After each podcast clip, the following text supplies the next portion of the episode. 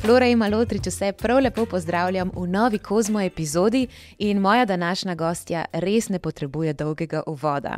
Če ste v zadnjem času vsaj mal prečesali medije, potem ste lahko ugotovili, da je nazaj na sceni Nina Osenar Kontrec. No, Nina pa ni več samo pevka in voditeljica, ampak ponovem tudi pisateljica. Njena knjiga V objemu življenja opisuje njenih zadnjih pet let, ko se je borila s hudo boleznijo, in moram vam priznati, da v življenju še nisem tako hitro prebrala 400 strani. Ja, kar 400 strani ima knjiga. Skratka, knjiga te objame, zraven se smeješ, jokaš, res je vrhunsko napisana. In ker sem bila tako navdušena, sem se tudi odločila, da bova skupaj z Nino eno knjigo podarili. Tako da, kako do knjige izveš na koncu pogovora, zdaj pa Nina. Hvala, ker si si vzela čas, hvala, Joj. ker si danes tukaj z mano. Končno sem se veselila tega pogovora. Flora, Ema, kako sem jaz srečna, da si me povabila, res ti si tako sonce, žareče, res tako sem neskončno vesela, da se bomo danes pogovorili. In kako lepo, da boš knjigo podarila.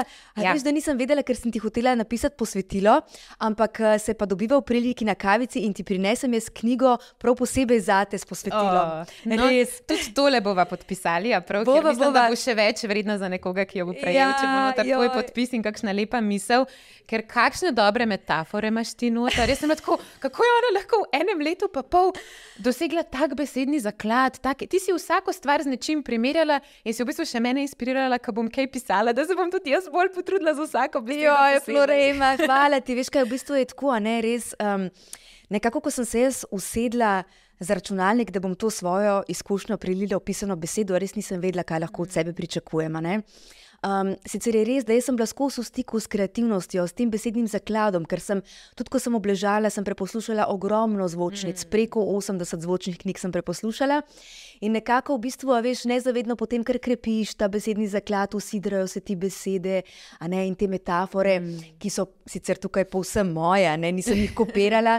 Uh, ampak v bistvu tudi ne, v bistvu, uh, si v stiku s temi primerjavami in tako naprej, uh, z odličnimi pisatelji, s knjigami, ki te napolnijo napolnijo. In, uh, in v bistvu res nisem vedela, kaj lahko od sebe pričakujem. Ampak potem, ko sem se usedla za računalnik in ko sem začela pisati, je pa nekako to, kar, um, a veš, kar steklo. Je, in jaz tako se mi zdi. Mogoče se bo hecno slišalo, ampak se mi zdi, da se mi je odprl en tak kanal do vesolja, do te neke lepe, čudovite, kreativne energije in je to potem kar steklo. Ne? In sem potem napisala 400 strani, še sama ne morem verjeti, ker sem si rekla, joj. Um, kako bom zdaj to svojo izkušnjo zapisala, pa se to jaz lahko povem na 20 straneh. Ampak potem dejansko, ko sem začela zapisovati, um, imam v bistvu zelo dober spomin, no, tako da sem um, hvaležna za ta blagoslov in v bistvu res vse detajle, vse občutke, tako so bili živi v meni, mm. da sem res to potem nekako. Um, ubesedila. No. Sploh, ker toliko časa verjetno nisi mogla govoriti, ker ti si res opisala vsako vazo, vsak predmet, ja. v, v čakalnici, v ordinacijah. Ti si se vsega zapomnila, to mi je bilo res fascinantno. Ja, res je, res je. Pa tudi tako v bistvu. Um, jaz imam zelo rada uh, knjige teva temu reči, dobre knjige, uh mhm. -huh. ki dejansko so zelo podrobne. Ne? Zelo so mi všeč ti pisatelji, ki opisujejo te podrobnosti, da se res uživiš uh, v like, v prostore. In uh, nekako sem tudi izhajala iz tega, ne? v bistvu in potem ta moj dober spomin, da sem si res zapomnila vsako vazico, vsako rožico, vse, da sem to tako opisala, da sem res uh, popeljala zdaj tebe in vas kot bralce, ne, um, da so res se uživeli v ta moj svet. No. Tako da sem ja. počaščena, Flora, Ema, da ti je knjiga všeč, ker sem se res, res, res potrudila. In tudi prvi odzivi bralcev so res krasni, tako da sem tako hvaležna in še enkrat počaščena, da knjiga vstopa v vaša srca. No. Ja, res bila sem tudi na predstavitvi knjige v mestnem muzeju in ni bilo mogoče do tebe priti. Ja, to, kar nekaj ljudi res je lepo videti, no, sploh pa zato, ker v knjigi veliko pomagaš. Ampak jaz bi se knjige še malce kasneje dotaknila. Okay. Jaz bi začela, zdaj ti si imela v zadnjem času ogromno enih intervjujev, mi so se že par tednov prej sicer slišali, da bi to naredili skupaj. Ja. Ampak eh, zdaj si ogromno že povedala, kaj se ti je dogajalo, ti si bila pač pet let praktično priklenjena na posteljo, ampak jaz bi začela pa tako z eno tako vedro. Super, super, deva. Absolutno. Jaz bi začela čisto na začetku. Kakšna okay. je bila Nina, ko je bila mehna? Ah, ko je bila mehna, wow, skrajno navihana. Bi rekla. Uh, velik zalogaj za starše. Uh, res, mislim, povsod me je bilo dovolj, uh, ogromno sem govorila, uh, bila sem res, tako imela sem, veš kaj sem imela, zdaj sem se spomnila. Takrat je bil zelo moderen kolo kekec. To v bistvu tisti uh, poslušalci najni, ki so moja generacija, ne ti si verjetno že kar premlada, da bi vedela, kak, kakšno je bilo kolo kekec. Ampak res ga ta zgardečka kekca sem imela in jaz sem imela enega kuška pikota. In ta piko je bil en tak mešanček, eh, mali, in jaz sem njega dala na prtlažnik, nisem imela nobene košarce, ničesar, prav na prtlažnik sem ga dala in on je tačke dal na sedež. Wow. In jaz sem tega pikota vozila po celi vasi in sva bila takšna atrakcija. Vsi so bili tako, gledajte, ni nas spet kuška voz. In ta kužak je gledal tako okrog, tega nikoli ne bom pozabila tega mojega pikca, res to je bilo tako neverjetno. To sem zdaj le po mojem prvič povedala, tega še nihče ne ve. Ja. Ampak je, zdaj le ta spomin mi je prišel v bistvu uh, tako na plano. No? In to je tako krasen spomin, sicer pa ja, navihana. Um, velik, velik zalogaj na Brita Dekalca.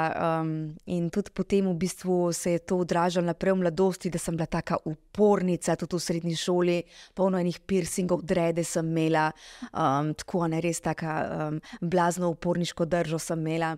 Um, potem pa evo, skozi čas se je pa potem uh, nekako ta moja. Um, Uporniška strast na nek način umirila, in veš, v knjigi imam en tak uh, pregovor, ki pravi: Povzdignite svoje besede, ne glasu, da še tisti, zaradi katerega rastejo rože, ne grom. To mi je bilo tukaj. A ti je bilo lepo? in res, v bistvu sem ta rek nekako potem uh, ponotranila in uh, ga nekako zdaj. Kako bi rekla, res ga živimo, ne? res včasih, ne včasih, vedno moramo povzdigniti svoje besede, ne, ne glasu. Res ta hrup, je tako tak, uh, brezvezen, ni potreben. Ja, se ful strinjam, ker ravno včeraj sem prebrala spet ta rek, ga bom probala po slovensko povedati, ker sem ga v angleščini prebrala. In sicer nesigurnost je zelo glasna, oziroma kriči. Mhm. Samozavest je pa tiha in posluša. Tako, ja, nekaj, ja, nekaj v tem lepo. smislu. Tako, tako. Uh, in, in se mi zdi, da res. In tudi ti si tako postala malo bolj umirjena. Mi te poznamo iz razno raznih časov, vse živo si počela že v življenju. Ja, ampak ja. zdaj se mi pa zdi, da si se tako, mogoče tudi zaradi te izkušnje, prizemljila, pa seveda postala si tudi mama vmes. Ja, veš, kaj je ena taka umirjenost je mm. prišla. Uh, tudi ta v bistvu izpolnitev tega srčnega klica po materinstvu. In uh, dejansko res čutim prvič v življenju to pomirjenost. Tudi ko sem spoznala svojega moža, jaz sem res dolga leta krepenela po enem partnerju, s katerim bi lahko pila jutranjo kavo. A veš, da v bistvu da imaš neke te rituale mm. z enim človekom, ki ga ljubiš. In kavico jaz vedno spijem samo v zelo dobri družbi. Tako da danes oh, sem počaščena. danes ta kava, evo, v izjemni družbi, ene take lepe, čudovite ženske. Um, in ja, res, res je ta, veš, neka ta izpolnitev, ki pride, uh, se mi zdi, uh, ko res, ko si obdan. Uh, s človekom, z ljudmi, ne, ki te imajo radi, ki te mm. ljubijo, ampak ta, ta partnerska ljubezen je pa v bistvu ta pika na i, ki mi je pa dala res to um, pomiritev, uh, to umirjenost in uh, to zavedanje, v bistvu, da imam ob sebi človeka, s katerim se bom postarala. Um, to je eno tako To je ena tako krasna stvar, no, res, da, v bistvu, ja, da se mi zdi, da tudi zdaj uh, delim to nekako to umirjenost, ne, ja. uh, tudi med vas. No, je... Ne, tako mi je lepo, ja. sem, preden so se pržgali mikrofoni, smo že cel podcast posneli. res je, ja.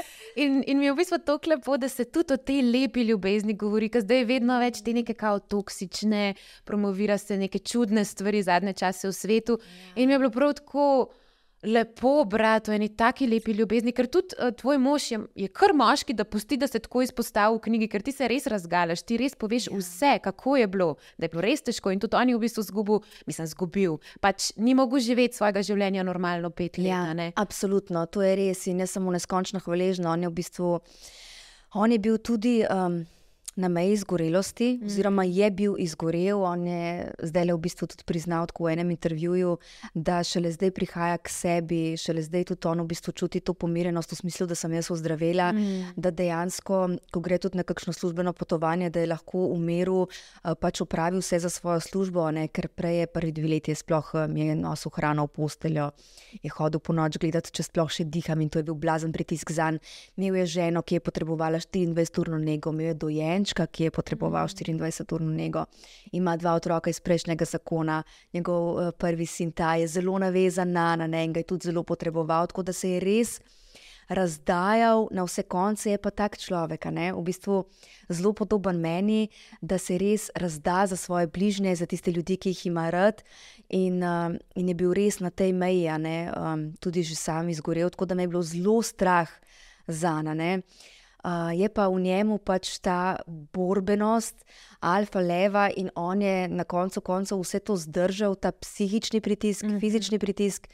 In uh, jaz sem mu neskončno hvaležna, jaz uh, mojega moža obožujem, jaz ga neskončno spoštujem in sem mu res iz srca hvaležna, da je z, z menoj zdržal to vse, ne, to težko mm. preizkušnjo, da sva zdržala, da sva ostala. In v bistvu je res tako. Ne, um, ob taki preizkušnji hudi se mi zdi, da imaš samo dve opciji: ali se ja. razideš, ja. ali pa se še globje povežeš. Mm.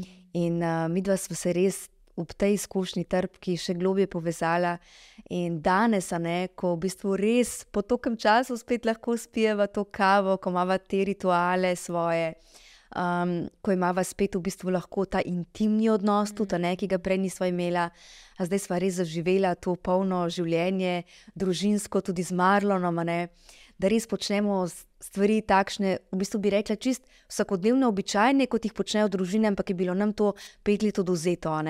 In to in je res. Ne cenimo mi takih preprostih stvari, dokler jih ja. izgubimo. Ja. Ja, res je hecno. Ja. Tako, mm -hmm. V bistvu moramo biti vsak dan hvaležni za te malenkosti, že to, da smo zdravi. Mm -hmm.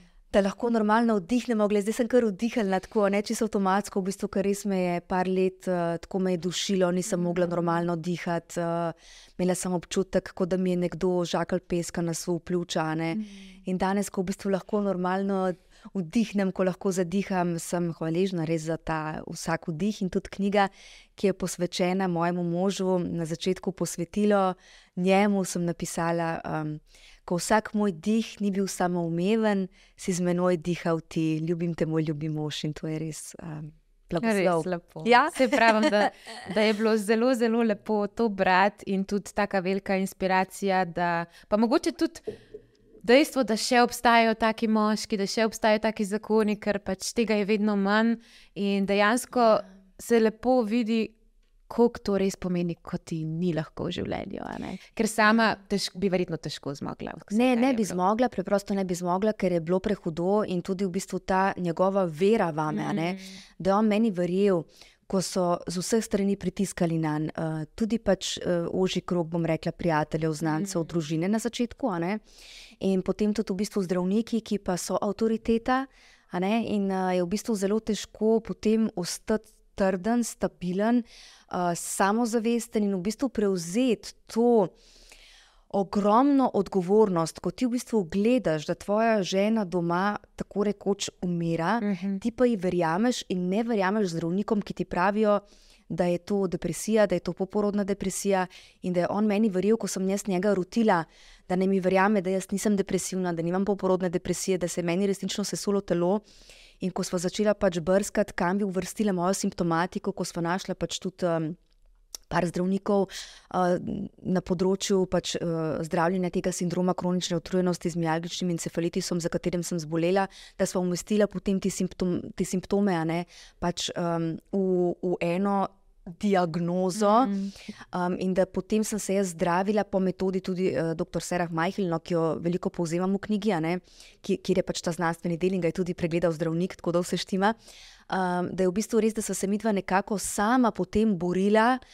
Um, in da je on meni pomagal, da sem se zdravila, to je pač brez tega, brez te njegove vere vame, um, jaz ne bi danes sedela tukaj in se pogovarjala mm -hmm. s teboj, uh, ker preprosto bi bilo njemu lažje, da bi on meni dal um, psihiatrično bolnico, tako kot mm. sem mu rekel, da tja spadam.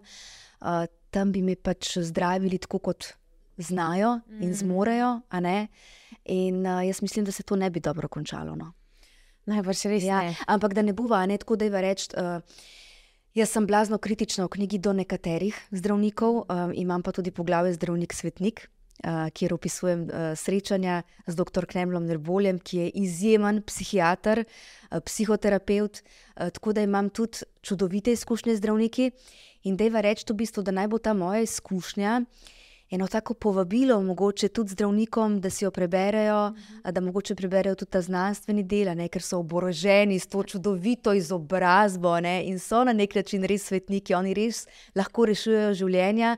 Da morda um, bodo nekatere ženske, pa tudi moški, mi pišejo zelo veliko tudi na Instagramu, um, da doživlja, doživljajo pač podobne simptome in so v podobnih uh, življenjskih situacijah, kot sem bila sama, da bodo morda ti ljudje. Um, Prej in bolje obravnavani, kot sem bila sama. Tako da želim biti v bistvu tudi en tak glas, morda s to knjigo za vse te ljudi, ki se borijo tudi s sistemom, ne, um, da naj bodo pa vendarle bolje razumljeni, kot sem bila sama. Meni se zdi, da je ogromno tega. Jaz že samo dva prijatelja poznam, ki se jim je to zgodilo. Ja. In ko sta ona dva meni to razlagala, jaz takrat nisem videla. Nekateri so rekli, da je long COVID, se pravi ta dolgi COVID. Ja, tudi to. Ker niso Ja. vedeli, ker je zelo podobna tudi stvar, kar se ti tam zgodi, Ja.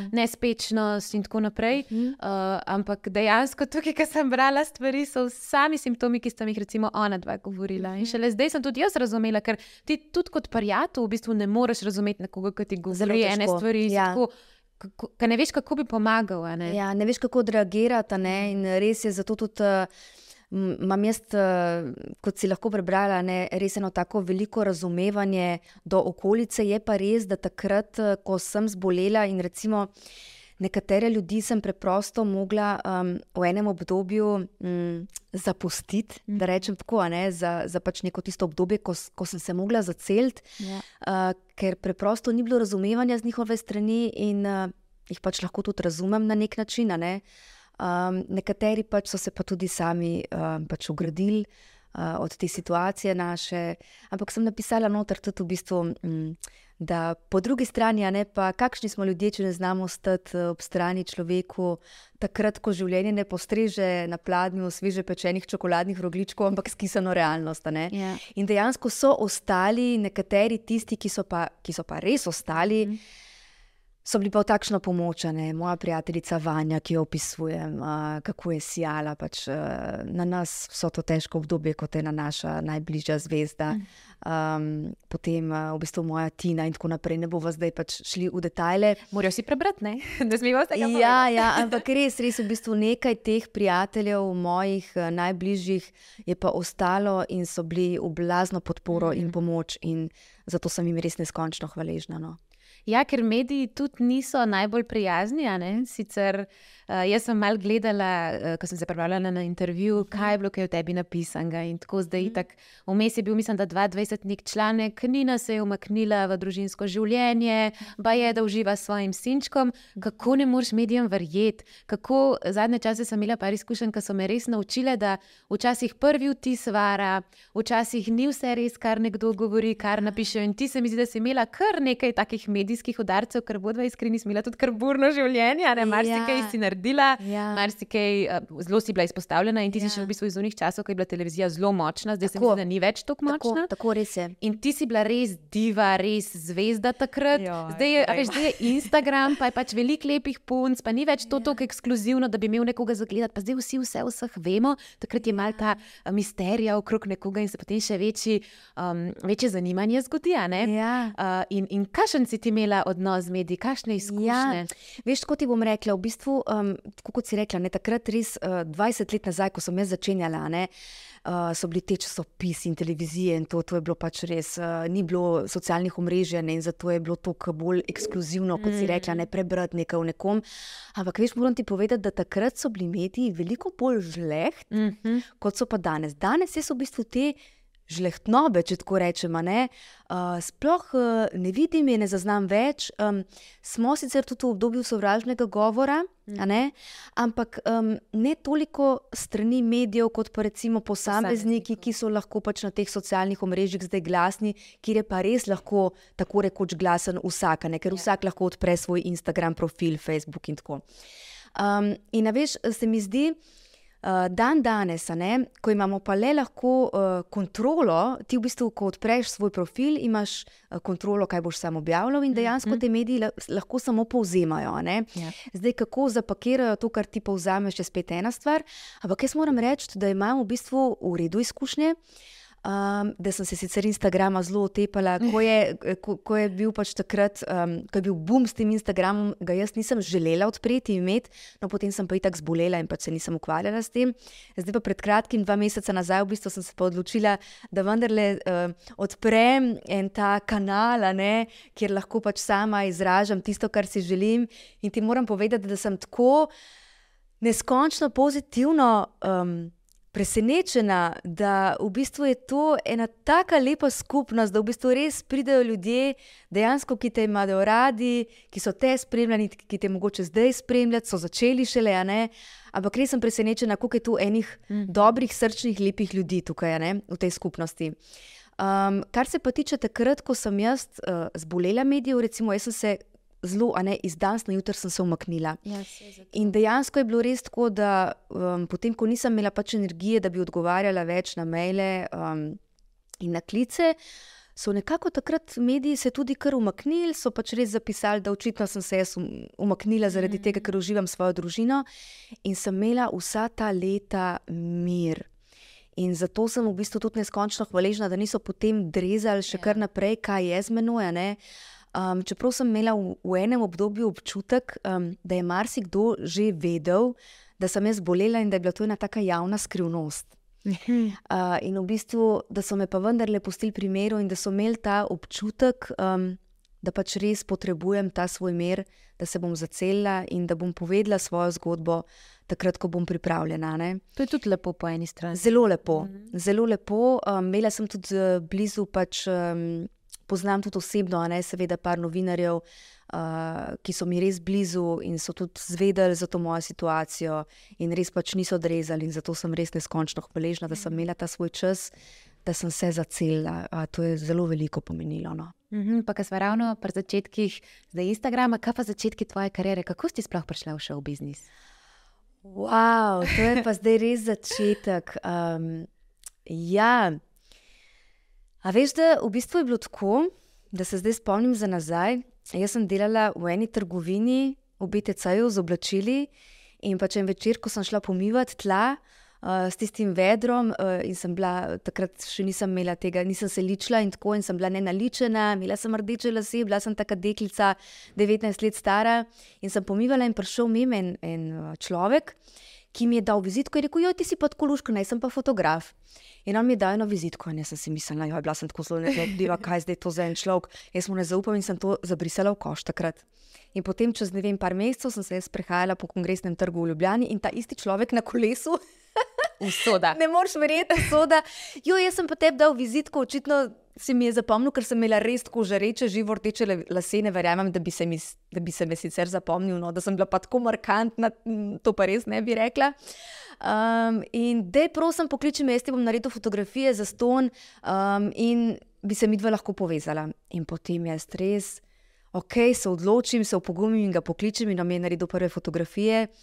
In potem sem bila v bistvu takrat uh, v slovenskih novicah, um, kot uh, so objavljali vsak teden eno dekle. In sem bila tam, in potem je meni ta fotograf rekel, da bi se lahko prijavila za mis Slovenije. Jaz sem takrat rekla, da to pa ne, za mis Slovenije, pa ne, da se mi ne zdi, da sem pač uh, oseba za to. A veš, bila sem še vedno tako uporniška s temi tatuji in tako. Potem je rekel, da ja, je pa pet na mishovajen tropik, in potem sem se takrat res prijavila in sem zmagala. To je zdaj uh, to dolgo zgodbo, pač probujem strniti čim hitreje. Um, in res, potem pa je kar prišlo fotografiranje za Playboy, kar ne spoznavati, sem začela te ljudi iz tega sveta medijskega, no potem je prišla pa sanska ženska. In uh, posanski ženski, pa v bistvu, ko sem se takrat ujela z ekipo, je bil to en krasen producent uh, s Pop TV, še vedno zdaj tam dela, Igor Bratoš, kreativni producent. In me je takrat povabil na kavo in je rekel: Nina, jaz mislim, da bi ti lahko bila televizijska voditeljica. Mi te vidimo v tej vlogi, mi potrebujemo zdaj nekoga, uh, prihaja Big Brother, velik resničnostni šov. In, ampak pa mogla narediti audicijo. In takrat so povabili deset imen, nekaj znanih, nekaj manj znanih, in jaz sem to audicijo takrat najbolje naredila. In potem sem pač bila um, kar naenkrat televizijska voditeljica, in potem se je kar v bistvu ta moja televizijska pot um, takrat začela. No. Meni se zdi, da si ti rojena za to. ja izgled, način govora, karizma, energija. Tako da le usoda je že vedela, kaj dela. Najlepša hvala. Ja, res je bilo tako tak splet okoliščina, ne, v mhm. bistvu. Kako sem začela. Ne. No, pa glede na to, kako si se zdaj spremenila v zadnjih letih, koliko enih spoznanj v življenju si imela, ali bi zdaj se še enkrat šla slikati za Playboy, če bi bila ne. spet stara tok? Ne, ne bi se. Ne Veš, bi. da se ne bi, ker v bistvu. Um, Ker imam v bistvu zelo dobro izkušnjo s tem, da ne bo pomote, ne? Um, zelo lepa izkušnja, uh, tako res, uh, tudi uh, fajn ekipa, še potem, ko so me tudi iz Amerike poklicali, da sem se šla fotografirati za ameriški special in vse to res je bilo lepo, krasno. Ampak, um, a veš, takrat tudi v bistvu te gole fotografije so imele ta svoj wow moment. Mm -hmm. Zdaj, kot si sama omenila na socialnih omrežjih, imamo vidiš že vse. Vidiš vse in zdaj uh, pač prav zdaj sem izvedela, v bistvu, da Playboya ni več v tiskani ediciji. Zdaj, ko smo prišli, ja, sreče, nisem vedela. V bistvu. Nisem vedela, neko ja. sem srečala pač, um, enega novinarja, ki je zdaj OnlyFans. Zdaj je OnlyFans, ja. to je zadnjič povedal en mlad gospodič, tudi tega nisem vedela, da OnlyFans obstaja. Ampak evo, vidiš, ne, kako sem se nekaj novega naučila.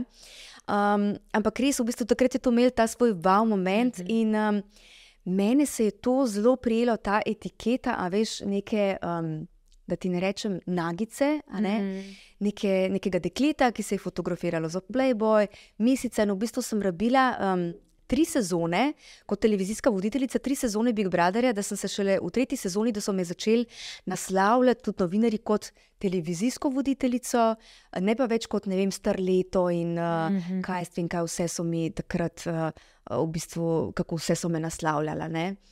Um, tako da sem kar rabila nekaj časa, v bistvu, da sem se znebila tega slovesa, mm -hmm. samo neke starlete, neke nagice. Ne? Tako da v bistvu ne bi tega še enkrat ponovila, kot je bila lepa izkušnja. Um, je bilo to tudi, v bistvu je bil ta začetek moje kariere, uh, v bistvu težji, da sem se potem uveljavila, uveljavila dejansko kot uh, televizijska voditeljica. Če bi zdaj imela hčerko, bi Playboy odsvetovala. Ja, ja. ja, ja, ja. bi. Um, mislim, jaz se tudi spomnim, da si ti imela eno ne morem reči, afero v medijih, ampak ko so v bistvu tvoje slike nekje pristale. Joj, groza. Ja, res, to je bilo pa grozljivo. Um, ena modna agencija, eh, v bistvu um, sem bila v kontaktu s to um, žensko, ki je vodila to, ki je bila pač lastnica te modne agencije pa ne bova zdaj v imenih, ampak ona me je kontaktirala, da bi mogoče, če bi lahko dal moje slike na stran, pa da če bi bil kakšen tak uh, job, da rečeva ne za modeling, mm -hmm. da ona me vidi, da bi jaz lahko bila tudi model, čeprav sem, se mi zdi premajhna in vse to. Ampak ok, mogoče za kakšne te, a veš, ne kot da bi hodila na pisti, ampak pač eh, ja, za, model, za, za fotografiranje in tako naprej. In sem rekla, ok. In potem so v tej agenciji, v bistvu, ko so bile fotografije objavljene, so ukradli, je ena escort agencija iz Moldavije, ukradli ukradla te slike, pa ne samo mojih, uh, od večjih deklet, mislim, da jih je bilo deset, takrat, ko so ukradli te fotke, ampak samo jaz sem bila takrat že znana medijska osebnost. Mhm. In so se potem na to zelo obesili, in so mediji to se razplamtelo, v bistvu, da kako. Se jaz prodajam, pravzaprav, um, prav tam so gor na tej modelarski agenciji napisali ceno. Uh, in, tako, in, in to je bilo takrat, um, jaz se spomnim, res težko, zaradi tega, ker tudi ne, moji starši so bili upleteni. Kako je bilo to težko moji mami, mojemu očetu, v bistvu poslušati to, da se pa zdaj uh, njuna hči, da naj bi se prodajala. Mm. Mislim, to je bilo res težko in mm. takrat so mediji to tako zelo zagrabili. Sicer potem tega seveda niso mogli dokazati, ker pač to ni bilo res, to je bila res taka brutalna laž. Um, meni je bilo, veš, kaj mi je bilo žal.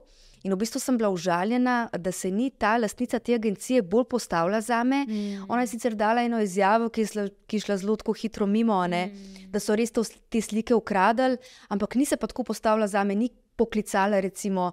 uh, večjih teh medijev in jim rekla, ker takrat so imeli časopisi veliko vpliv ne, in televizije. Mm kot smo se pogovarjali, ne, in v bistvu res, da se ni bolj postavila za me, da ni rekla, da to je čista neresnica. Ukradali so še fotografije od še ne vem, desetih večjih um, deklet, in to, to ni res. Ampak je zelo tako eno izjavo dala in potem se je umaknila, in mm. v bistvu sem bila jaz takrat zelo sama v tem. Kako si se pa s tem spopadala?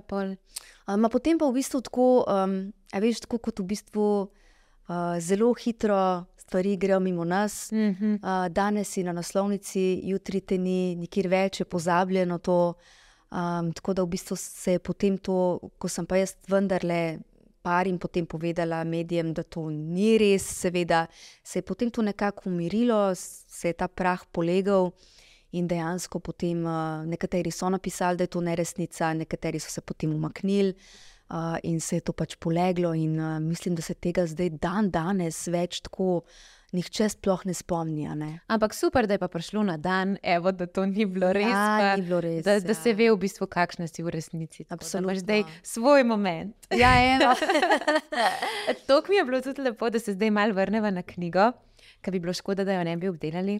Mm, Ker v bistvu jo začneš s porodom svojim ja. sinčkom. In moram reči, da je to prva stvar, ki sem jo prebrala, da se zdaj ne bojim več poroda. Ja. Ker vsi mi rečejo, da je to grozno, to tako boli, epiduralna, nujno, nujno, nujno. In potem imaš ti. Ja. Tako lepo poglavje v tem porodu, da bi povedala svojo izkušnjo. Ja, lahko, absolutno. Veš, to se mi zdi zelo pomembno. Um, ozaveščati ženske o tem, da je porod resnično lahko ena taka božanska, spiritualna mm. izkušnja. Um, in res je na robe, a ne bom rekla, da mislim, grozljivo je, ko poslušam vse te zgodbe žensk, ki imajo slabe izkušnje. In um, res, veš, dan danes, kot smo se pogovarjali prej, ko so se mikrofoni vklopili, ne imamo na voljo tukaj ne literature, ja. da se lahko izobrazimo. In mhm. jaz dejansko, preden sem šla roditi, ko sem poslušala te slabe izkušnje žensk, je bilo meni tudi strah. Mhm. In potem sem se odločila, da bom pač um, si naročila neko literaturo, neko znanstveno, neko v bistvu eh, izkustveno, da se bom o porodu izobrazila. In sem se res. In tudi opisujem v bistvu dve čudoviti knjigi največ. No. Ena je od dr. Eh, Grantley Dickreda, ki jo je napisal uh, leta 40 in ko je dal to knjigo ven, je bila blazna revolucija takrat, kjer opisuje, da je porod lahko celo neboleč kar je znanstvena fantastika za večino žensk, celo zdravnikov, ginekologov, porodničarjev. Um, jaz ne morem reči, da je bil moj porod ne boleč, ampak jaz sem vedela, kako s to bolečino ravnati, mm -hmm. kateri hormoni se dejansko sprožajo, kako je treba telesu pomagati, a ne takrat, ko rojevaš. In tudi uh, sem šla roditi na jesenice, kjer je pač Eva Macun, uh, predstojnica ginekološke klinike. Uh, v bistvu ona zelo spodbuja ženske k naravnemu porodu, in tam so tudi v bistvu vse babice uh, izobražene v to doktrino. In tam te tako neskončno lepo sprejmejo, predvsem pa ti dovolijo, da si ti v stiku s seboj, da poslušaš svoje telo in te ne prisilijo rojevati v leže. Um, in jaz sem res rodila v eni taki krasni sobi z eno lučko iz kristalne soli, ob meni je bil moj mož, ob, jemi, ob, ob meni sta bili dve čudoviti babici. Najprej ena, ko se je porod začel, potem sta se, pa, sta se mogli zamenjati. Ampak v bistvu sem bila tako v stiku s seboj in za mene je to tako božanska izkušnja. Jaz sem sodelovala s svojim telesom, jaz sem nagovarjala mojega sinčka, mojega marlončka, da bova midva pač zmogla skozi to izkušnjo. In jaz sem rodila uh, v sedevče peno na porodni pručki. In takrat, ko je dvignila babica Irena Marlončka v višino mojih oči, zdaj sem se čist naježila, takrat se je um, vse spremenilo v meni. Se mi zdi, da je takrat začelo moje srce šele utripati, tako kot bi celo življenje moralo. In uh, to je moj mož, je sedel za mano vse čas, me je božal, me je objemal.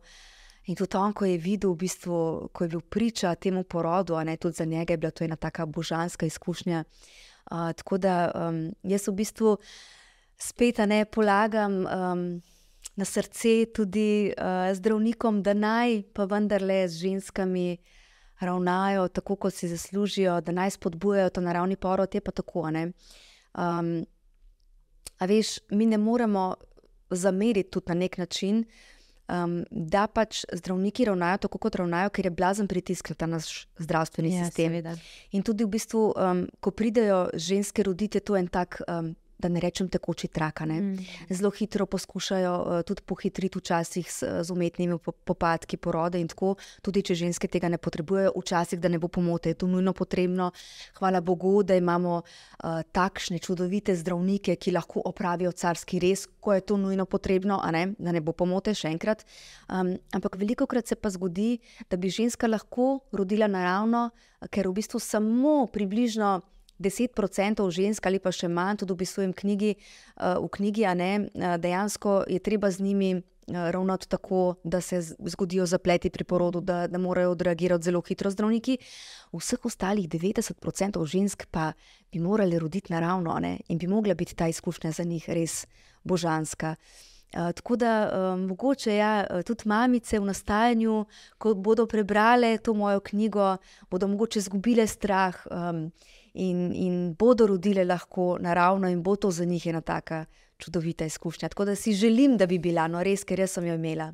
Jaz sem prav pomislila, če bi imela kakšno nosečo prijateljico, bi sigurno rekla: nujno preberi knjigo. Itek sem vsem rekla, da jo morajo prebrati zaradi tudi drugih stvari. Ja. Ampak res, tok nas je strah, ker ja. same grozne zgodbe v bistvu slišiš. In jaz ja. sem bila, do, do, dokler nisem knjige prebrala, sem bila mnenja epiduralna, sigurno, če bom kdaj rodila. Ni ja. šans, da jaz to pretrpim, že tako me vse boli. Ja, uh, pa je škoda, da to, to pretrpeti, to izkušnjo je mhm. škoda, mm. ker je res to lahko um, ima nekaj najlepšega. Jaz mislim, da bi si mogla vsaka ženska v življenju porod zapomniti kot nekaj čudovitega, lepega, ne pa kot nekaj grozljivega in, mm. in v bistvu pričakovati porod. Um, Z neko anksioznostjo, ne, z nekim strahom, kaj se bo zgodilo, um, kako bom rodila, strah me je, ne, ker potem tudi telo je v krču in ja, isto, ne more biti potem to lepa izkušnja. Mm. In uh, res si želim evo, približati tudi porod v tej knjigi, to mojo krasno spiritualno izkušnjo s porodom. Želim približati ženskam, da se bodo opogumile in da bodo rodile naravno. No, res si to želim, za, za, vsako, za vsako žensko si želim to. Jaz sigurno bom propela, ko bo čas za to vprašanje, kdaj, ampak ko bo. Ja. Kako je pa sinček bolj podoben tebi ali možu? Wow, uh, ena taka kombinacija je v bistvu mene in moža. Uh, tako se mi zdi, da pa opažava, ne, ker mož je bil, je bil še profesionalni športnik uh mhm. -huh. in tudi njegov sin Taj uh, iz prejšnjega, iz prvega zakona je blazen športnik, ne, ne že od majhnega, tako je bila samo žoga in šport in tako. No, in Marlon pa ni tak športnik, ne? In mislim, da Marlon po mamici, je pa bolj po mamici. Ja, pač umetniška duša, mislim, da športnik ne bo. Ma pa uh, tako zelo tako uh, znanstveno naravnanost, znanstveni mali umje. Uh, in tako ima uh, moj brat, uh, mu je prinesel eno darilce, ena taka vezna plošča in potem imaš neke take uh, delčke, ko sestavljaš na tej vezni plošči uh, neke, neke stvari, in potem to začne svetiti na plosk, na govor, uh, na ne vem, kako to neke pluse, minuse sestavljaš. Gled, ne vem, ne wow. vem, jaz nisem znanstveni tip, znanstveno naravnanega uma, nimam tako zelo. Uh, on je pa blazen znanstveni tip in mislim, in tudi, recimo, kako to sestavlja, uh, vse sorte puzle, lego kocke, sploh ne rabi navodila, ne, kako se stavi v bistvu te tudi razne tehnične stvari stvari mu grejo blazno od rok, tako da ne veva, kam se bo usmeril, ampak je res en tak blazen, uh, mali, mali znanstvenik. to, ki je luškan, ima kodrčke po tebi, tako da se lahko pomeni. Ja. Noro. Ja, Noro. se tako je. Um, Zelo srčen fantek, prisrčen, um, zelo tak sočuten, blazno mara živalice, v bistvu res uh, tako uh, lepo ravna. Zdaj imamo mucka, tudi smo ga posvojili za vetišča, ker si je zelo želel živalco. In smo rekli, da kuška ne, ker je pač preveč dela, ampak da mucka pa lahko imamo. No? Tako da smo ga res posvojili in je ta živalca tako res oplemenitila naše življenje. No? To pa verjamem, ker eh, marsikaj sem poslušala zdaj o tebi, vem, da si ja. velika ljubiteljica živali, tudi veganka si. Pa zelo mi je všeč, ker imaš ja. tako karakter, se mi zdi že od nekdaj, ker uh, sem poslušala, da si na, na prvem izboru za mis, ki si um, se potegovala, da si rekla, edina, da ne boš nosila krzna. Ja, to je pa res. Ja, to je pa res. Takrat je bil sponzor krznar. In uh, vsa dekleta pač v finalu je bil en izhod, smo imeli nekega maše, pa en šal, pa mislim, da neke rokavičke, ali kako je bilo, glavno je bilo krznogor.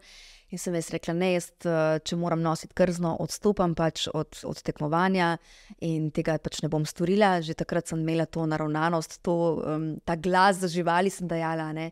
In sem potem bila edina od 12 uh, tekmovalk, ki je nosila umetno krzno. Sem ji prav naredila umeten šal, umetnega wow. maše. in zmagala. in sem zmagala, tako da mogoče tudi veš, ta energija se je manifestirala, ne, da so vse te dušice, tudi živali, v bistvu, da so mi pomagale, da sem stopila potem to pot. In danes, evo, ko sem se pozdravila, uh, bom spet uh, velik glas za živali. Ja. Ja, se, se mi zdi, da če živiš sebe in, in če stojiš za svojimi načeli, da te življenje pač pripelje na pravo pot. Ja, res je, res je. Kaj pa, ki si spoznala moža, si takoj vedela, da je to to? Takoj, takoj, res. To je pa neverjetno, to je pa um, ena taka filmska ljubezen. Uh, on je tako en tak res postavljen človek. In se mi zdi, da šele takrat, uh, ko si ti ena tako res postavljena mm. osebnost, lahko tudi živiš en tak pristan, pravi odnos. In uh, sem že prej povedala, parkrat pa bom še enkrat, da ga obožujem in občudujem. In je res velik, velik človek in je tako dober človek, res um, dobrosrčen. Tako da nimam besed, ki bi ga lahko pisali. Jaz mislim, da v knjigi, ko si brala, ja. nema, ne. Se sem rekla, da bi te vprašala, kako si se spoznala, pa sem rekla, ah, ne, to ostane uh, v knjigi. Ena ja. stvar, ki jo še nisi delila na intervjuju. Nisem še delila, ja, res je, ampak uh, tako posvečam njemu uh, ogromno strani, no, kako smo se spoznala. In res, ko smo se spogledala, ne, tako v enem, ta, v enem momentu, uh, prvič pač, ko smo se videla je bil to res en tak usoden, fatalni pogled. Ki, in vedela sva, da naj bo povezal najni srci uh, za celo življenje. Ja.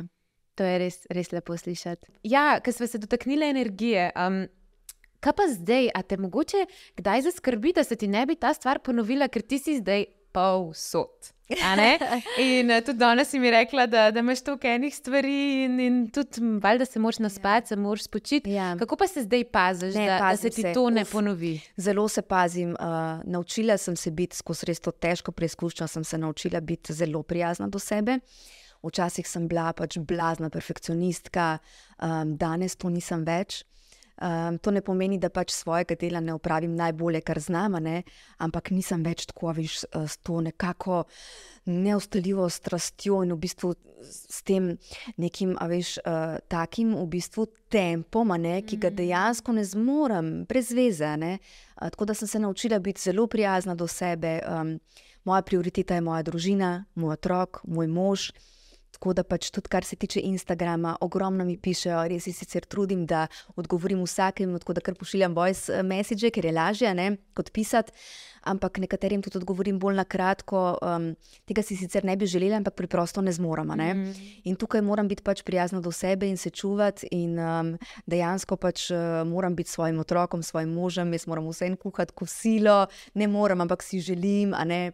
Se igrati z njim, se mu posvečati, tudi kar se šole tiče, uh, možu, da ima zdaj pač tudi mi dva čas zase, ki ga pač tudi Seveda. pet let nama je bil oduzeta. Uh, to smo se že prej pogovarjali.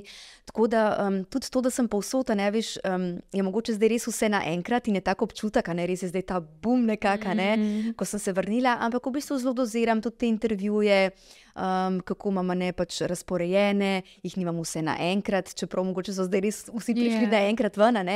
Ampak dejansko se pač res potrudim, da, da imam ta čas zase, da ga ohranjam, ki mi je najpomembnejši. Zdaj bom sicer tudi imela po Sloveniji eno tako turnajo, kjer bom pač imela po raznih knjižnicah um, in, in pač. Um, kulturnih domovih in tako uh, bom imela pač predstavitve knjige, ampak uh, bom zelo dozirala, ne, tako da, da me to ne bo izčrpalo. Um, ne bojim se, da bi se mi to ponovilo, zaradi tega, ker res um, enostavno spim uh, in res, kot sem že rekla, ne, sem prijazna do sebe, tako da se mi to uh, ne more ponoviti. Ne? ne mhm. bo se mi ponovilo, ker uh, meni je tudi v bistvu spodnesla nespečnost. Ne? In kot perfekcionistka sem se zno, zelo zagnala v to materinstvo. In sem tukaj pač pozabila na sebe, sem spala po dve uri na noč, ker sem to dojila in um, preprosto um, sem izgubila mogoče malo ta stik s sabo. Jaz sem mislila, da me bo ta brezpogojna ljubezen do mojega sila gnala preko mojih meja, ampak me pač ni. Mm. In to je v bistvu tudi eno tako um, upozorilo, tudi vsem mamicam, uh mhm. -huh.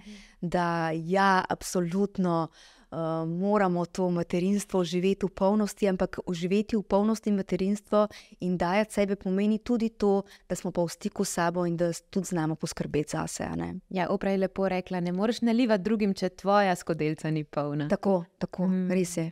Res je. Ja. Zanima me pa, kje se zdaj vidiš? A veš, toliko enih stvari si že dosegla. Ti si bila blazno popularna pevka, potem voditeljica, vodila si ogromno enih oddaj. Uh, ja. In zdaj si še pisateljica po novem. Ja. Kaj, pa, kaj pa zdaj, kaj še lahko Nina osvoji? Kaj si še Nina ja. želi? Veš, kaj je v bistvu, um, tako bom rekla. No? Pravzaprav prej v vsej svoji 20-letni karieri, um, in ko sem vodila oddaje, in ko sem pela, to je sem bila hvaležna za ta blagoslov, da pač lahko počnem tisto, kar mi je uh, blizu. Ampak sem to tudi v bistvu jemala kot neka služba, da je to. Muzika sicer ne to, kar je bilo vedno za mojo dušo in z glasbo sem se, se mi zdi, precej premalo ukvarjala v svojem življenju, tako da evo, to še pride. Okay. Um, ampak v bistvu, veš, potem pa um, nisem pa nikoli čutila za res, da je to pač projeno tako moje poslanstvo, kar je zelo zanimivo. Ne? Potem pa, ko mi je bilo to oduzeto, ko mi je bil odor oduzet, tako čez noč in um, ko sem ležala vseh teh pet let, um, sem pa ugotovila, ko sem se vrnila lani na slovensko popevko uh, in sem se postavila na ta oder. In takrat se je v meni nekaj tako prižgalo, ne, um, ena taka iskra. In sem ugotovila, wow, da pa vendarle odr je uh, del mojega poslanstva. Mm. In v bistvu um, nič na silo, zelo počasi, um, ampak si v bistvu še želim tudi uh, ustvarjati kakšno televizijsko oddajo. Um, kaj, kakšen projekt, ki mi bo res všeč, um, ne bi vzela nekaj, kar samo zato, da bi se pač vrnila na televizijo, mm. to ne. Resnično pač uh, poslušam sebe, sicer sem to počela tudi že skozi kariero, že prej, ne nisem imela stvari, ki mi niso bile všeč, sem marsikaj tudi odklonila, uh, tudi zaradi svojih načel, recimo. Um, ampak ja, če bi prišel kakšen tak dober televizijski projekt, da bi ga začutila, bi se z veseljem vrnila tudi na televizijo. Um, imam pa mogoče eno tako željo, evo, ja. ki ti jo zdaj le zaupam uh, v bistvu um, bi se pa mogoče prijavila na emo. Wow. Ja, to pa mogoče res ena taka želja se je vzbudila v meni, ko sem tudi na popevki, ko sem zapela duetu s Heleno Blagne. In sem pela s tistim 42-članskim orkestrom v živo, in wow, to mi je res, ko me je izpolnjevalo, res mi je dalo nekaj. Ne? Tako da sem si rekla, morda pa se prijavim, sicer da ne vem, kako je sploh s temi razpisi, ker zdaj kar izberejo včasih. Ja, letos je v bistvu tako, da bodo štiri izbirati, spravi štirje mm. bodo na koncu izbrani v finalnem izboru in potem mislim, da tudi neka tuja komisija izbira. Mm -hmm. Tako da zdaj je mal drugače. Mal drugače, ampak, ja. Glej, ampak to še ne pomeni. ja, ampak morda, glej, to je v bistvu mogoče res eh, ena taka želja, ki se je zbudila v meni, tako da um, ne še letos ker eh, da ne bo vse preveč naenkrat. Ja, da ne. Zdaj je pač knjiga, tako res z vsem srcem in z vso hvaležnostjo predstavljam to knjigo. Res si nisem mislila, da bom kdaj v življenju napisala knjigo. In to je ena tako velika stvar. Jaz čutim, resnično čutim, kot da je to eno tako moje življenjsko delo. Veš, mm -hmm. Da mhm. sem zapisala to svojo izkušnjo. Um, Prej si rekla, da se ti je kanal odprl. Ja. Ravno sem brala eno knjigo Velika čarovnija od avtorice mm -hmm. Eat, Pray, Love. Mm -hmm. ah, Elizabeth Gilbert. Tako, ah. jo jaz njo obožujem, ona mi je, ja, ja, ja. ona mi je res vrhunska pisateljica. Ja, se omenjam tudi noter. Ja, se ja, vem, se za to. Ja, ja. Uh, in ravno sem prebrala njeno knjigo Velika čarovnija, kjer fulepo pove, da v bistvu ljudje dobivamo ideje. -hmm. In dobivamo ideje in ideje te tok časa matra toliko časa te matra, dokler ti ne zagrabiš, ali pa ne, drugače pa gre. In se mi zdi, če jo zagrabiš, ona tako fule popiše, da se ti nekaj več odpre in da kar nekako prihajajo priložnosti, ljudje, ki ti ja. bodo to pomagali, eh, nekako ja. skreirati. Ne? Ja. Tako da jaz verjamem, da si bila poklicana zato, ker hotel sem te še vprašati, verjetno, ker si bruhala. Ker ki si bila na koncu, si nisi predstavljala, da bo to enkrat za neki dober. Ampak zdaj ja. najbrž drugače gledaš na to. Res je, v bistvu um, tako, ko, ko si pač na. Ko, ko živiš to težko preizkušnjo, takrat je zelo težko. Um, jaz sem večkrat se obrnila tudi na Boga, tako tudi v knjigi to mm. opisujem, ne, zakaj, jaz, zakaj se to meni dogaja. Uh, sina opazujem, kako raste uh, iz postele. Um, V leži sem ga opazovala, njegove prve korake, bilo mi je blazno težko, res sem večkrat se mi je zlomilo srce v teh petih letih.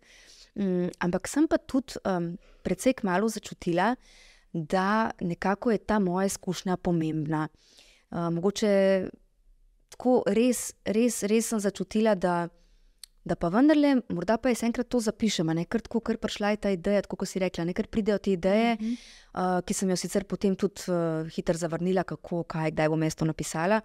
Ampak dejansko res sem, sem tako na momente začutila, ko sem se obračala tudi na Boga, zakaj, zakaj jaz. Sem kar dobila en tak odgovor, zato ker ti moraš to dati skozi in ker boš to lahko izkušnjo delila. Ne? In še oče ti je en stavek rekel. Ja, oče mi je rekel res tako v enem momentu, ko sem bila čist na tleh, ko sem res se borila za svoje življenje, um, da je prepričan, da je ta izkušnja moja pomembna. Rekl mi je, da sit ne more razumeti lačnega. Uh -huh um, da sem jaz uh, vijolična duša. To se nanaša na eno knjigo od uh, Michaela Duff Newtona, Potovanje duš, ki jo je prebral. In, tak, uh, in uh, on opisuje, v bistvu, da so ti vijolične duše kot neki naši vodniki. Ne? Uh -huh. um, in mi je takrat to rekel, pač tvoja duša je vijolična, tako da sem ga razumela. Uh, in je rekel, naj bo sila s tabo, uh, kot veliki fan vojne zvezd. Uh, tako da to je, je bil pomemben stavek mojega očeta, stavek 2-3. Um, in takrat sem res to, tako, ko sem najbolj trpela, sem to tudi te njegove besede tako ponotranila. In dejansko, res, ko sem se usedla in ko sem začela to zapisovati, sem tudi videla, da um, bo stekla ta moja kreativa, tudi, ne, da bo stekel ta moj besedni zaklad, da bo tudi jezik v bistvu uh, lep in dober in da bom res to lahko. Zapisala tako, da bo tudi um, na koncu koncev kvalitetno. Ne? Uh mhm. -huh. ne da samo nekaj zapišeš, ampak dejansko zapišeš tako, da res um, bo, bo to lahko ena taka knjiga, ki bo, ki bo pomagala in ki bo bralca res popeljala skozi to izkušnjo, tudi skozi vse te lepe stvari, na tak način, da bo um, branje. Prijetno tudi, a ne? Mhm. V bistvu res. Pa še malo je bilo terapevtsko, ker vsi terapeuti priporočajo, da takrat, ko ti je najtežje, ja. da pišeš dnevnik. Uh, in jaz sem tudi začela nekaj mesecev nazaj, tako vsak dan zapisovati svoje jutranje misli, večerne misli. Se, da ti to tako pomaga, zato ker dobiš vse skupaj v neko drugačno perspektivo. Ogromno, res. Mm. Sicer, ko sem pisala, moram reči, da sem včasih mogla tiste najtežje trenutke, ki sem jih zapisovala, mogla prekiniti mm. za pač kakšen dan, dva. Prost, nisem mogla pisati več naprej, ker je bilo pretežko se soočati s temi občutki. Um, ampak potem sem se usedla nazaj in sem pisala. In moram reči, da je bilo to res terapevtsko, ne? se soočiti z nekimi stvarmi, um, jih ponotraniti, uh, ker tudi takrat, v bistvu, ko sem ležala, pride ena taka joj, retrospektiva življenja. V mhm. življenje sem res tako pogledala v retrovizorju, tudi uh, za nazaj, kako sem se kdaj, ki jih izčrpavala. In dejansko um, sem šla skozi to in v bistvu prišla ven um, tudi precej drugačna. Ne? Ja, drugačno energijo imaš. Tako da, ja, ja, tako da res eh, so te izkušnje včasih najtežje v življenju, um, so tudi tako zelo dobrodošle. Uh, in ljudje res uh, preživljajo vse sorte težkih izkušenj, preizkušenj. Kakšni čudoviti ljudje mi pišejo tako na Instagram s takimi težkimi preizkušnjami, um, da je včasih res, res težko poslušati te zgodbe ljudi. Um, ampak um, pridejo tudi ven močnejši no, ljudje. Absolutno. Se mi zdi, da je življenje tako starejši, ki si bolj te poniža. Ja. In kot smo se prej pogovarjali, bolj si tiho in poslušaš. Tako ne rabiš več, tako na vzven, ne rabiš, eh, ne rabiš več kričati. Mm. Tako se mi zdi, lika si omenila to pozornost in poslušanje. En to klep odstavek je v knjigi, ko rečeš, uh, oziroma kot ti je eh, doktor, tvoj uh, doktor svet, svetnik. Moj zdravnik, ja, svetnik, ja, zdravnik, svetnik, torej bolj. Um, pozornost je energijska valuta odnosov. Kar je v trgovini denar, je v odnosih pozornost. In ideal pozornosti je, ko nas drugi slišijo, ko nas hočejo slišati, ko nas razumejo, ko čutimo, da nas čutijo, ko se čutimo prepoznane, ko so nam drugi v odnosih z nami sposobni priti naproti naši frekvenci, v našem delovanju, potrebah, željah, krepenjenih, da nas začutijo celo tam, kjer se sami ne občutimo. In to mi je tako lepo, in evo, lahko na tej točki rečem, da bom tole knjigo podarila. Nina bo nekaj lepega notri napisala. Absolutno. Uh, vse, kar morate narediti, je, da pod komentarji na YouTubu napišete karkoli, neko lepo misel, kaj vam je najbolj ostalo v spominu iz tega pogovora. Jaz bom čez točno en teden, se pravi naslednji torek, nekoga izžrebala. In verjamem, da jo tako kot jaz ne boste mogli odložiti, in da ne bo nikomor žal, da je zgubil, oziroma da je posvetil knjigi tok ur, ker, ker res, res, res je to um, ena čudovita izkušnja. Uh, za smejati, za zjokati, za mogoče tudi sam pri sebi narediti retrospektivo, kaj počnemo v življenju. Veliko je tudi znanstvenega noter, da mogoče tisti, ki imate podobne izkušnje, se najdete. Nosečnice, mogoče prijateljice od nosečk. Ja. Skratka, za vsega se nekaj najde. Jo, Florema, najlepša hvala, res. Um, jaz sem počaščena, da si to knjigo prebrala. Um, srečna sem, da ti je všeč, da se, da se te je dotaknila ta moja zgodba in resnično bom počaščena tudi za vse ljudi, ki, ki bodo to prebrali. Jaz uh, sem jim neskončno hvaležna in res, kako mi pišejo, no, tisti, ki so jo že prebrali, ne, kakšna lepa izkušnja je v bistvu to ob tem branju. Tako kot si rekla, za svoje, za zjokat, za vse. Res sem, pač res, evo, še enkrat počaščena, da, da prihaja ta knjiga do bralcev, do, do src njihovih. Da, um, in bom absolutno eno lepo posvetilo napisala, lahko sicer tudi, ko boš ti že rebala, mogoče, ko bomo vedeli ime. Mogoče ne, prav- ja. Pa Se se, dobili pa na se dobi, eni kavi, na pa kavici. izgovor za še eno kavico. Imava izgovor za še eno kavo in jaz potem napišem eno tako lepo posvetilo za bralca ali bralko, ki bo to knjigo dobil, da bo res osebno. Velja. ne? To je pa še boljša ideja, super. Ja. Jaz bi se lahko s tabo pogovarjala do jutra. Ja, Ampak hočem tudi spoštovati jaz svoj čas. Uh, noro sem hvaležna, da si danes prišla. Hvala za Jaz povabilo. komi čakam, da te vidimo na Emi. Joj. Zdaj da producent začel klicati, hej, vina, jaz sem pa enko mama. Ja, Florema, evo, deva to manifestirati. Dejva, dejva. Jaz sem velik zagovornik manifestacije, ogromno enih lepih stvari sem si že uspela zmanifestirati, tako da absolutno verjamem v to in verjamem, da si v to klepi energiji, v to klepi frekvenci, da te čakajo samo še lepe stvari. Najlepša hvala. Jaz želim tebi vse dobro iz srca, res čudovita, krasna si in želim tudi vsem, ki naj jo zdaj le gledajo, pač vse dobro, zdravja, predvsem, ne res Ja. ja. zdravja, ljubezni in veselja. Doktor Bolj mi je rekel enkrat, veš, njena veselje je pa najvišja možna vibracija. Wow. Tako da, evo. Wow. Čim več se smejmo. Ja. Radi se smejmo. Ja. pa preberite knjigo, ker vam res ne bo žal. Hvala za poslušanje. Hvala, Nina, ker si si vzela čas danes, Hvala kljub temu, tebi. da je zunaj bil skoraj konec sveta. Res je, res je, res je, sem prišla tako le z dežnikom, ne čisto je prepihalo. Malo smo obe Malo smo zacveteli, a ne? Ampak to je vse v redu. Nič Do- hudega. Dokler cvetiva, je vse v redu. Tako, tako. Tako da, Nina, vse lepo in ko mi čakam, da te spet vidim na odru. Enako, hvala tebi, Flora, ima vse lepo.